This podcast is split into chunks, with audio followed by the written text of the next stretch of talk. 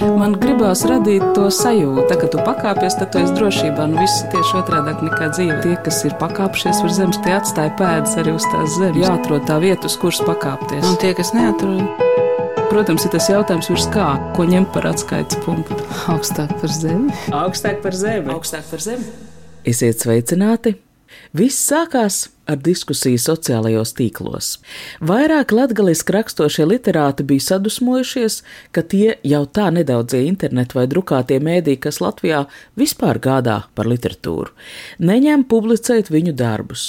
Katram no tiem domzīm, punktum, satorī uz šī fona tiek uzslavēts kultūrzīmes, bija savs iemesls atteikumam, taču diskusijā varēja nojaust, ka problēma nav jauna, tā milst jau gadiem, un tagad nu beidzot kāds vadzis ir nolūzis.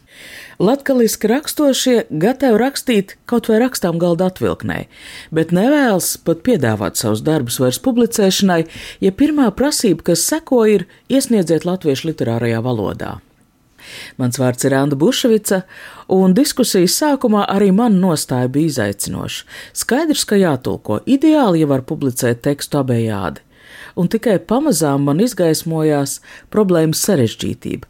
Gandrīz neskartās tālāk sarunu tēmas, kuras tagad vēlos jums parādīt šajā raidījumā. Sociālie tīkli darbojas pēc burbuļu principa. Tu redzi tikai to cilvēku ierakstus, ar kuriem esi saikņojusies. Manā burbulī šo diskusiju uzturēja Ilza Spērga. Dzēniece, rakstniece, valodniece, autoritāte latgaliešu ortogrāfijas un daudziem vispār vislatgaliskā jautājumos. Es nu, savā ziņā savācu, sakolekcionēju kaut kādas pēdējo gadu, nu, es vairākiem autoriem pajautāju, vai viņi ir iesnieguši tekstus publicēšanai. Lielākā daļa nebija, daļa bija mēģinājuši, un tās atbildes ir diezgan graujošas patiesībā.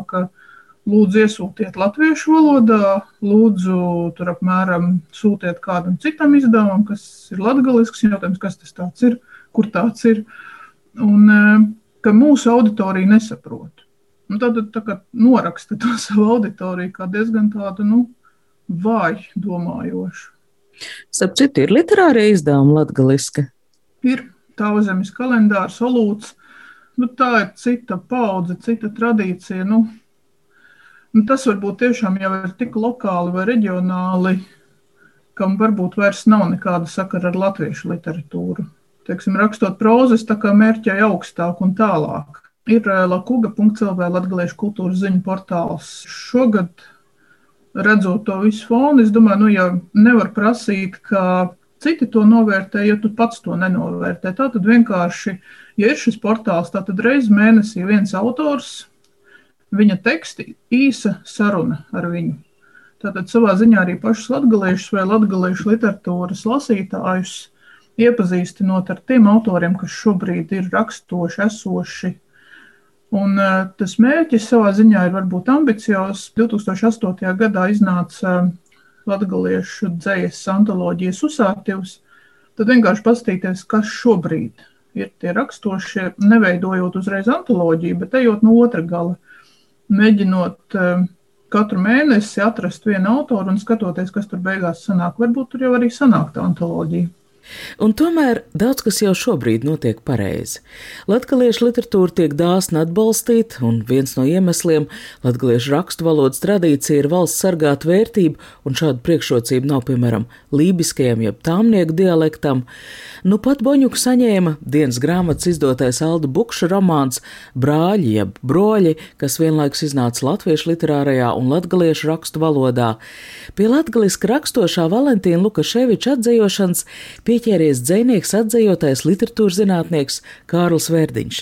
Nesen šos dzējoļus publicēja literatūras un filozofijas žurnāls Punktum. Kāpēc vispār tulkot?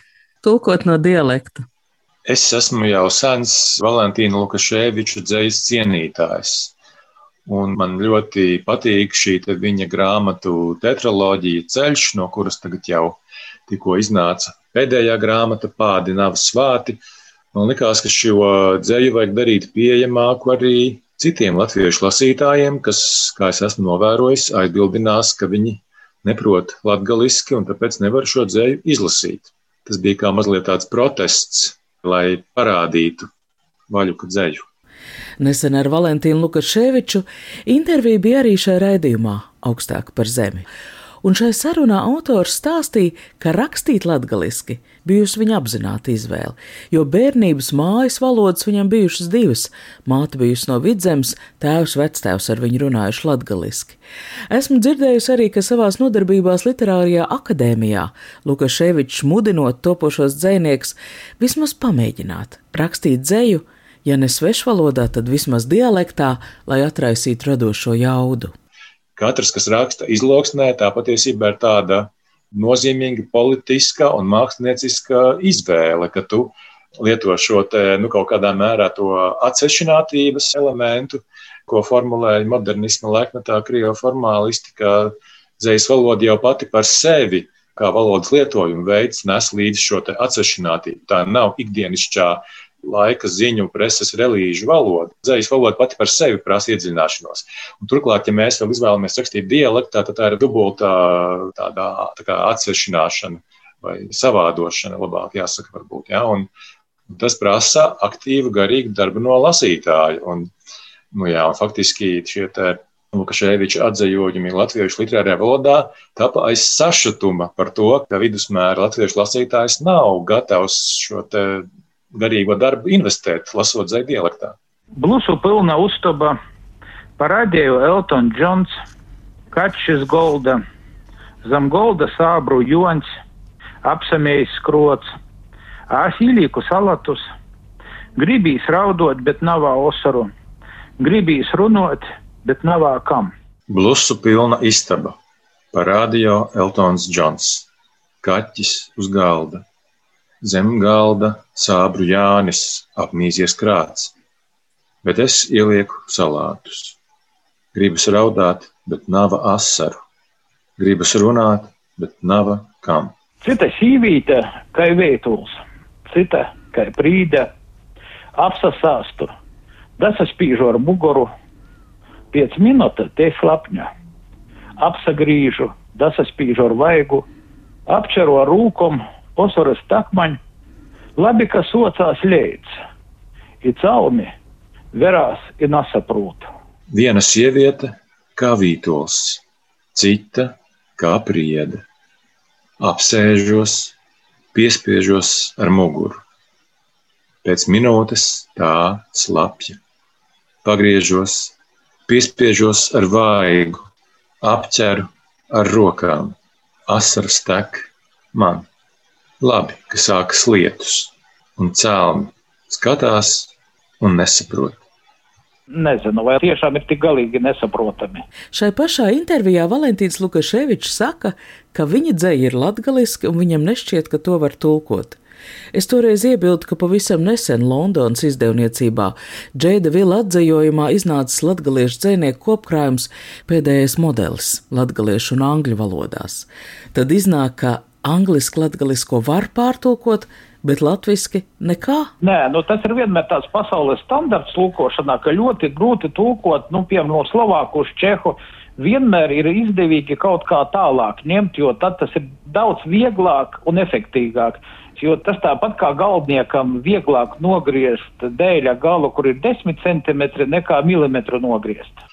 Ja mēs dzīvojam globalizētā pasaulē, kurā mūsu vērtība visu laiku mēra pēc tā, cik mēs izējam ārpus savas nacionālās literatūras, cik mūsu tulko citās valodās, kādi mums ir tīklojumi, kontakti ar citu valstu autoriem, lasītājiem, izdevējiem, tulkotājiem, tad, principā, apņemšanās rakstīt latgaliski nozīmē kaut kādā lielā mērā sevi ierobežot šajos visos kontaktos. Otrkārt, par ko arī paši latgaliešu autori ir izteikušies, ka tāda mūsdienīga laikmetīga latgaliešu literatūra bez maz vai nozīmē, ka tie ir rakstnieki bez lasītājiem, jo to lasītāju, kas šo laikmetīgo literatūru novērtēs, tomēr ir ļoti maz. Un, teiksim, izpatikt varbūt tādai plašākai gaumei, latgaliešu literatūras sakarā varbūt nozīmētu, nu, sakot tādiem tradicionālākiem romantizētiem priekšstatiem par Latgali kā zilo ezeru zemi, kuras skaistumu mēs varam aprakstīt un, teiksim, ignorēt to, kas ir laikmetīgs vai problemātisks vai tāds hibrīda veida, ja latgaliešu kultūrā. tas tulkošanas process notika sazinoties arī ar pašu Valentīnu Lukaševiču? Jā, es no sākuma sazinājos ar Ilzi Spērgu, un tad mēs sazinājāmies arī ar Valentīnu Lukaševiču. To var saukt laikam par autorizētu atzījumu, kur ir autora akcepts šiem risinājumiem. Jo vēl pirms neilga laika Valentīns Lukaševičs pats iebilda, ka viņa dzēja tiktu vispār tulkot. Tur ir daudzas lietas kopā. Pirmkārt, arī man viņa dzējoļi patīk tieši tāpēc, ka tie ir latgaliešu dzējoļi. Tur ir kaut kas definējams un arī kaut kas nedefinējams, kāpēc tie ir latgaliešu dzējoļi. Nevis tikai tāpēc, ka tie ir sarakstīti dialektā, bet tāpēc, ka, manuprāt, tie kaut kā uzbur to latgales kultūras, folkloras, sadzīves, valodas, mikslī, tādu eksperimentētāja garu, kas pastāv šajā, manuprāt, dialektā, varbūt pat vairāk nekā literārajā latviešu valodā, kas jau ir tā kā jau nostabilizējusies. Protams, ka iztulkojot to literārajā latviešu valodā visu, daudz kas pazūd. Tas it kā kļūst tāds ludāks, parastāks, normatīvāks. Jā, tieši tā netvarama. Citādāks skatiens uz eh, pasauli, uz realitāti. Tur ir tas feelings, kas ir lasot, piemēram, labākos Balkānu literatūras paraugus. Milorada Paviča sajūta vai lasot arī Arvija Vigula atzījotos Dienvidslāvu dzēniekus. Tur ir kaut kāda maģiskā realisma klātienē, turklāt viņa ir pilnīgi dabiska, viņa nav konstruēta. Šie ir citi atzīvotāji - Māris Salēja balss. Māris Salējs nesen Facebookā publicēja latviskotu latgaliešu literatūras sensācijas Marijas Dzēslas dzēju. Tas varētu būt vēl viens šī raidījuma mērķis - iepazīstināt jūs ar Marijas Dzēslas dzēju Marija Dzēsla ir pseidonīms, un šī iemesla dēļ, lai arī sagatavošanā ir autora vai autors pirmā dzējas grāmata, radio intervijām viņš vai viņa nepiekrīt, jo tad nāktos daļai atklāt savu identitāti. Marijas dzēslas dzēju latgaliski šai raidījumā lasīs Ilza Spērga, sekos Mārsalē latviskojums. Tādas precīzas receptes jau nav ādana. Paņem drupaņu patikšanas, ir uzbūvēr laiku, tas, kas paliks izglozis sīnu, būs inde vai mīlestība. Tādas precīzas receptes nemaz nav. Paņem kripatiņu patikšanas un atšķaidi ar laiku. Tas, kas paliks uz glāzes sieniņas, būs inde vai mīlestība. Es gribu tikai piebilst, ka man arī ir svarīgi, kā oriģināla valodas ritms vai, vai nu, tāda plūstamība. Tad es arī drusku mēģinu to dabūt arī latviešu. Ja dzīvoja simtiem gadu, katram unukam atmiņā palika ēda ar seitu, ēda ar lizēku, ēda maizi, nēd cilvēku, īdzeniec da kaulas smedziņu, vīnu lizēku par mamu, vīnu par babu, apēd bierniņu, itas gords, apēd visu, izēt tukšu, lai labs laiks, nastaigoja ēd pie golda, nerunāja, kad ēd, ēd i nesit kojas zem golda, īdzenēts ar koltu, īdzēts ar noglu, maizeit ir svāta, savus pīneņus savā gaļeite, ar moti spīnu tu esi īzēts, švaka tu nāsi redzies, ēd, kara laikā ītēda nebija, ēd, kas padūcas golda, tas jūt pie rosala bļūdas tu esi kristēts, ar studziņu mēs tevi apbierēsim, anoreksija ir kā ateisms, kas tī par bārnim ņū? Neko nāda. Viņa dzīvoja simtiem gadu. Ik mazdēlam atmiņā palika. Ēd ar sātu, ēd ar karoti, ēd maizi, neēd cilvēku iedzīts līdz kaula smadzenēm. Vienu karoti par mammu, vienu par veco mammu, ēd bērniņu. Tas gards izēd visu, izēd tukšu, lai labs laiks, nestaigā, ēd pie galda, nerunā, kad ēd, ēd un nesit kājas zem galda iedzīts ar kaltu, iedzīts ar naglu, maizīte svēta, pašu pieniņš, pašu gaļiņa, ar mātes pienu iezīsts, bada nesi jautis, ēd, kara laikā tāda nebija, ēd, kas likts uz galda, tas jāēd, pie rosula bļodas tu kristīts, ar galērtu tevi apbērēsim. Anoreksija ir kā ateisms, kas tie par bērniem, nu neko nēd. Personīgi man lasot tulkojumu kopnacionālajā valodā, es pieķēru, ka es dažādi uztveru latgalisku un latvisku. Man pat nav tik daudz saprašanas grūtības, cik tās drīzāk ir, man liekas, konteksta lieta. Tad, kad tas ir iztulkots šajā latviešu literārajā valodā, tā tēma liekas kaut kādā veidā nopietnāka.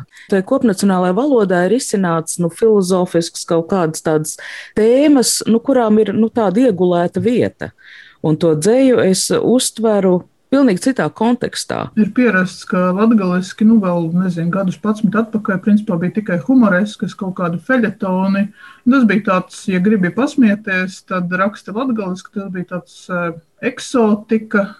Tad, kad Lukaševičs un Seiksts un Līga Seiksta Gagaina pieteica to postmoderno virzienu, tas jau bija ceļš uz pavisam citu literatūru ir ne tikai vaimanas par mirstošo valodu, bet e, izdodas vai neizdodas, vai vismaz mēģina rakstīt nopietni. Un tur veidojas tāda disonance, protams. No otras puses, man pašai ir ļoti grūti to novērtēt, kā tas ir. Jo es lasu gan vienā, gan otrā valodā, un man ir interesanti arī skatīties arī Marijana atzījot to, es tāds skatījos, ka vienkārši kā viņš ir apgājis kaut kādas situācijas. Tas pats, kas arī Kārlim Vērdiņam eh, atzījot eh, Lukaševiča dzēju, ka tu nevari viens pret vienu. Tas vienkārši nu, nav.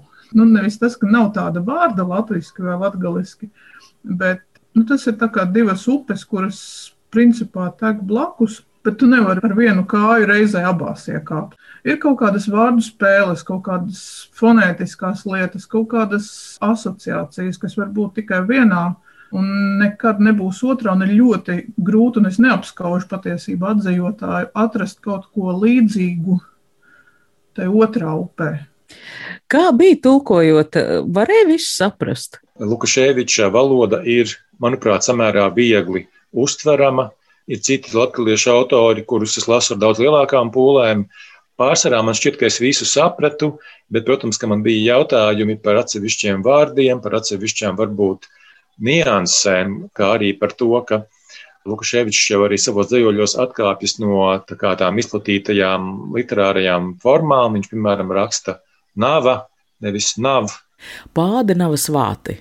Valentīna Lukaševiča nesenā dzējoļu krājuma nosaukumā vien varam atrast divas nesakritības ar latviešu literāro valodu. Pēdi, jeb pēdas latgaliski maina dzimti, bet nava ir dzēnieku paša pieņemta nav forma. Un arī intervijā viņš neslēp, ka latviešu rakstot, viņu iedvesmo tieši latviešu valodas itin kā vulkānisks masas agregāts stāvoklis. Rakstu valoda ir normēta gan latviešu, gan latviešu literārajā valodā, bet runātajā valodā dzīve ir izlokšņa daudzveidīgā bagātība. Arī tagad, piemēram, Annelis Slišāns, ja tie toroga stāsti vai ne? Es arī redzu diskusijas Facebookā par to, ka tas pats biespiens, ja toroga stāsti ir biespienu stāsti, un katrā vietā latgaliešu literāti apmainās ar informāciju, kā pie viņiem parasti sauc biespienu, un šie varianti ir dažādi. Vienam tas ir, kā tur bija sipisnīgs, es tagad kļūdīšos, vai ne? Cits varbūt lieto latviešu kaut kādu ja, to variantu, un grūti runāt par to, ka ir vienota normatīva latgaliešu rakstu valoda, kurā mēs varam tad vai nu runāt, vai nu nerunāt. Tur patiesībā ir runa par daudzām variācijām, daudzām izloksnēm, daudzu cilvēku personiskajām pieredzēm, kā viņi kopš bērnības pieraduši runāt un kādu valodu sev apkārt dzirdējuši.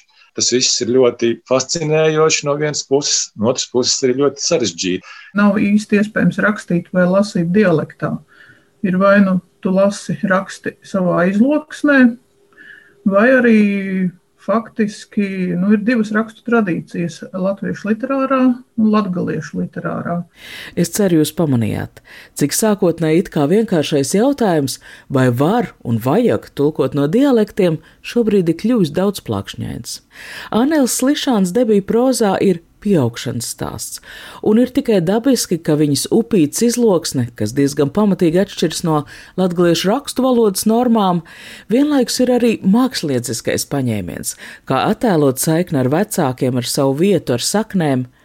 Vēl viens piemērs, kas nesen man pārsteidza. Vīla Ganovska, tulkojot no krievu valodas pasaku grāmatu, izlēma katru no pasakām pārtulkot savā dialektā. Augšzemnieku dialekts ir viņas dzimtais, bet tāmnieku vai tad tā vispār var atdarināt, iemācīties?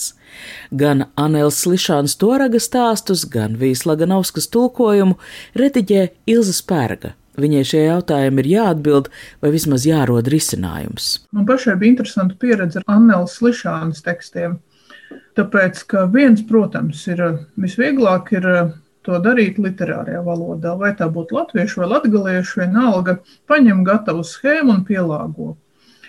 Un otrs ir tad, kad tu mēģini to darīt izloksnē, tāpēc, ka nav jau normēta tā sistēma, kādā izloksnē rakstītu. Ir kaut kādas piefiksētas izloksnes pazīmes, bet, nu, vai tā ir upītes izloksne, vai tā ir šķilbāna. Nu, respektīvi, tev ir jāskatās tā autora valoda, jāsaprot viņa sistēma, un tas viss jāpieraksta atbilstoši ortogrāfijas normām. Un tas, kas es gribētu teikt, ka Vijas Laganovskas grāmatā šī lieta nedaudz klibo. Viņa varbūt ir noķērusi to izloksnes lietu, bet ortogrāfija tur nu, ir kaut kādas elementāras lietas, ka, teiksim, pirms e, e, i, i ie, ej, tātad tur līdzskaņus nemīksti. Nu, tā ir pirmā pazīme, uz ko tu vari uzķert, vai, vai cilvēks zina rakstību. Nu, tas tur klibo. Nu, es dikti neesmu iedziļinājusies, es to grāmatu līdz galam neesmu izlasījusi, man viņa tagad arī stāv uz galda. Bet tā ir grūta lieta sabalansēt literāro rakstību, literāro normu, Tāpēc, ka arī autoram, kas raksta izloksnē, viņam ir šis literārais zīmoks, spiedoks virsū. Nu, mūsdienās tu vairs nesēdi savā ciemā, satiekot visu mūžu tikai sava ciema ļaudis. Tu izēj ārā, tu dzirdi radio, televīziju, tu dzirdi arī latgaliešu kaut kādus citu izlokšņu runātājus, un tas pamazām kā nonivelējas. Un atgriezties pie saknēm, man pašai arī proza rakstot, ir patiesībā diezgan interesanti. Uh, Redz, man ir priekšrocība, mana izloksne diezgan tuvu ir eh, latgalējuši rakstu valodē. Tu esi no? Es esmu no Viļāniem. Ilza Spērga ir viens no uz abu roku pirkstiem saskaitāmajiem cilvēkiem Latgalē, Latvijā, vispār uz zemeslodes, kurš spēja risināt tik sarežģītus valodas jautājumus. Un cits starpā es domāju, ka te arī meklējams iespējamais attaisnojums, kāpēc literārai izdevumi neņems rediģēt tekstus dialektā.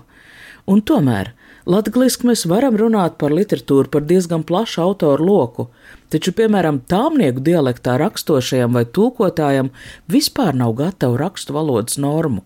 Valodas likums lielā mērā nāks jaunradīt pašam. Un nevar teikt, ka tādi mēģinājumi nebūtu bijuši.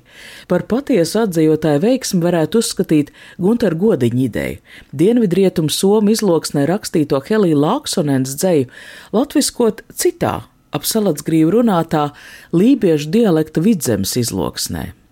Bērs, man te ir vēlējums. Nepaliek pa bozīgu veceni, nepaliek pa skābumu ķēru. Pat ja ciemos aizsēdējies, pat ja zīmols pušu iet, pat ja dzegus kūko falšs, pat ja nesaprot ne vārdu, pat ja mamma saniķojas, pat ja mimīts gražojas, pats tu mūždien labā omā, pats tu smuks kā zaķam ķep, pats tu apaļš tā kā apels, Elīgs svarīgs pats priekš sev. Tur tu ieraugi kaut kādu arī valodas dabiskumu, dažādību, un tas arī bagātina latviešu valodu. Mm -hmm. Tāpēc, ka, ja nav izlūkšana, tad arī valoda noplacinās, noplicinās. Nu, Facebookā drusku parādās Lauras Vinogrādovas tāmnieku dialektā rakstītie dzējolīši, un tie jau man Jā, patīk. Mārs Salējs izceļ nesen Eiropas Savienības literatūras balvas ieguvēju Laurvino Grādovu, kurš garstāsts upe izcilā latviešu literārajā valodā ļoti atšķirās no pagaidām tikai sociālos tīklos publicētajiem tiešajiem, eņģīgajiem dzīvoļiem viņas dzimtajā Tārgals izloksnē. Labi, pamēģinās, vai labi, tā man tagad galvenais neiziet ārā no tā dialekta, neiziet ārā. Divā tā ūdeni gāja pa mežu, stāstīja, ka neēd gaļu un nesen bija piketā pret kažoku zvēru audzēšanu. Ūdeni tik smaidīja un lēkāja pa katru peļķu, kas gadījās ceļā. Viss kažots ir slapjš, bet acīs prieks. Pirms nozuda virsos vien ieminējās pa krātiņiem, kuros mēs sev un otru tur visu dzīvi. Rīt gaisma pamodināja mani no sapņa, mati aptinušies ap kaklu kā labs sast. Sāksim mazumiņu, palūrēs pats slēg šķirbu. Kas ir tur, ārā? Jautāja arī Kārlim Vērdiņam. Vai jūs lasat literatūru vai dzēju arī citos dialektos? Jā, es domāju, ka mums būtu vērts pieminēt Baibas Dambergas pērn, kad izdoto grāmatu Es un cit es. Šī ir arī ļoti interesanta grāmata, gan kā dzēja, gan arī no valodas viedokļa, jo tā ir trīs valodās. Tātad lībiešu valodā, tāmnieku izloksnē un latviešu literārajā valodā. Un, kad es rakstīju recenziju par šo grāmatu, tad man pēkšņi likās, ka tie tāmnieku dzējoļi ir tik, nu, no vienas puses atkal jāsaka, amizanti, šī valoda mums tomēr šķiet amizanta un tāda mīlīga un mazliet komiska. Tad pašā laikā, kaut nedaudz esot eh, Ziemeļkurzemē, šīs te valodas vidē, nu, tā ir valoda, kur runā dzīvi cilvēki. Tas nenozīmē, ka viņi visi ir amizanti un visa viņa dzīves pieredze ir amizanta. Tā ir viņu valoda. Un, protams, ka lībiešu valodu es nevaru uztvert, es varu tikai spriest pēc tiem atziņojumiem citās valodās, kas ir šajā grāmatā ir pārstāvēti. Tā kā šeit vairāki dzējoļi ir vairāk nekā vienā valodā, bet divās vai pat trīs. Visā šajā kontekstā man pēkšņi likās, ka tieši tā latviešu literārā valoda ir tāda sausa, vēsa, akadēmiska, pareiza, jā, bez mazliet tāda kolonizatoriska valoda, kas tagad ka mēs tagad visi būsim tie literārie latvieši, mēs izspiedīsim ārā šīs izloksnes, tāpēc, ka tās ir mazas, tāpēc, ka tur rakstīt neatmaksājas, ka tās ir kaut kādas pagātnes paliekas, kam tam nav vietas globalizētajā pasaulē. Nu, nu, un šādā ziņā tad, tas tā latviešu literārā valoda jau sāk šķist bez maz vai kā tāda, nu, garīga vardarbība pret izloksnēm, jā, un ka Katrs, kas raksta izloksnē, tā patiesībā ir tā ļoti nopietna izšķiršanās. Ar valodniekiem, dziniekiem, Kārlu Vērdiņu, Māru Salēju, Ilzas Pērgu šajā redzījumā sarunājās Anna Buševica, raidījuma skaņoperators Valdis Raitums. Un šai sarunā mēs iezīmējām tēmu loku, par kurām domāt ir vērts, un risinājums droši vien rokās nedosies tik ātri, taču tā garša Brīdis, kad risinājumu meklēšana valodā no problēmas pārto pazartā, ir pats tulkošanas atzējas process. Tāpēc arī rēdījuma noslēgumā vēlos piedāvāt jums uzklausīt vēl vienu Marijas dzēslas dzējoli un divu valodas dārznieku pārdoms ap to. Visādi sīki putniņi, sīkiem perēklīšiem, katrā kromā un šķirbā, tik man nav neviena vārda uzmēlis. Visādi sēki putineņi, sēkim pereklēšim katrā krūmā šķierbā. Tik maņ nav neviena vorda izmēlis. Pi tukša dokumenta siežu, verūs, ka strodi no zoļis izvalkojas līkas, vai varbūt sadrākaļai zemi. Cīši, kab ni skuteļis nepagaistu, ni gaļa pīšu. Itā jau kuru godu plikam kojam pi cereņu krūma i besētīs par pavasari, vot tevi nalīta, besakūks pie tukša dokumenta sēdu, raugos kā strazdi no zāles, izvelkas liekas, vai varbūt sadiedz zemi tik cieši, vai ne skudras nepazustu, ne gaļa pieša. Tā jau kuro gadu plikām kājām pie ceriņu krūma un bezceris par pavasari. Lūk, tev nelieša bezcerkoks. Nu, tas stāsts ir par to ceriņu krūmu un to besītīs par pavasari te ir tā vieta, kur nevar un pat nedrīkst burtiski neko pārcelt, pārtulkot. Un ir tas bezceris, un tad beigās ir tas nu, mans neoloģisms, bezcerkoks, vai var arī bezceriņš, vai bezceriņu krūms. Tā teikt, mazliet nelielu vaļību pieļaujot, tas it kā saglābj mm. to visu poetisko situāciju, kas ir pēdējās rindās. Es jau arī izlasīju ar to uzsvaru uz to besa, lai gan patiesībā tas besakūks tas ir nu, vienkārši ceriņu cits nosaukums. Izloksnēs besakūks, beseņi, nu, kas tiešām nāk no poļu valodas, un tam nu, tieši nav nekāda sakara ne ar velnu, ne besu. Nu, tāpat kā arī ceriņiem nav saistības ar cerību. Jā, ja nu vienīgi tā laimīšana. Nu, jā. Tā kā tu pakāpies, tad tu esi drošībā. Nu, viss ir tieši otrādi nekā dzīve. Tas ir tā spēle, jā. Tie, kas ir pakāpšies virs zemes, tie atstāja pēdas arī uz tās zemes. Protams, ir tas jautājums, ko ņemt par atskaites punktu. Nē, nu, principā ir skaidrs, augstāk par zemi. Jāatrod tā vieta, uz kuras pakāpties. Augstāk par zemi. Augstāk par zemi. Augstāk par zemi.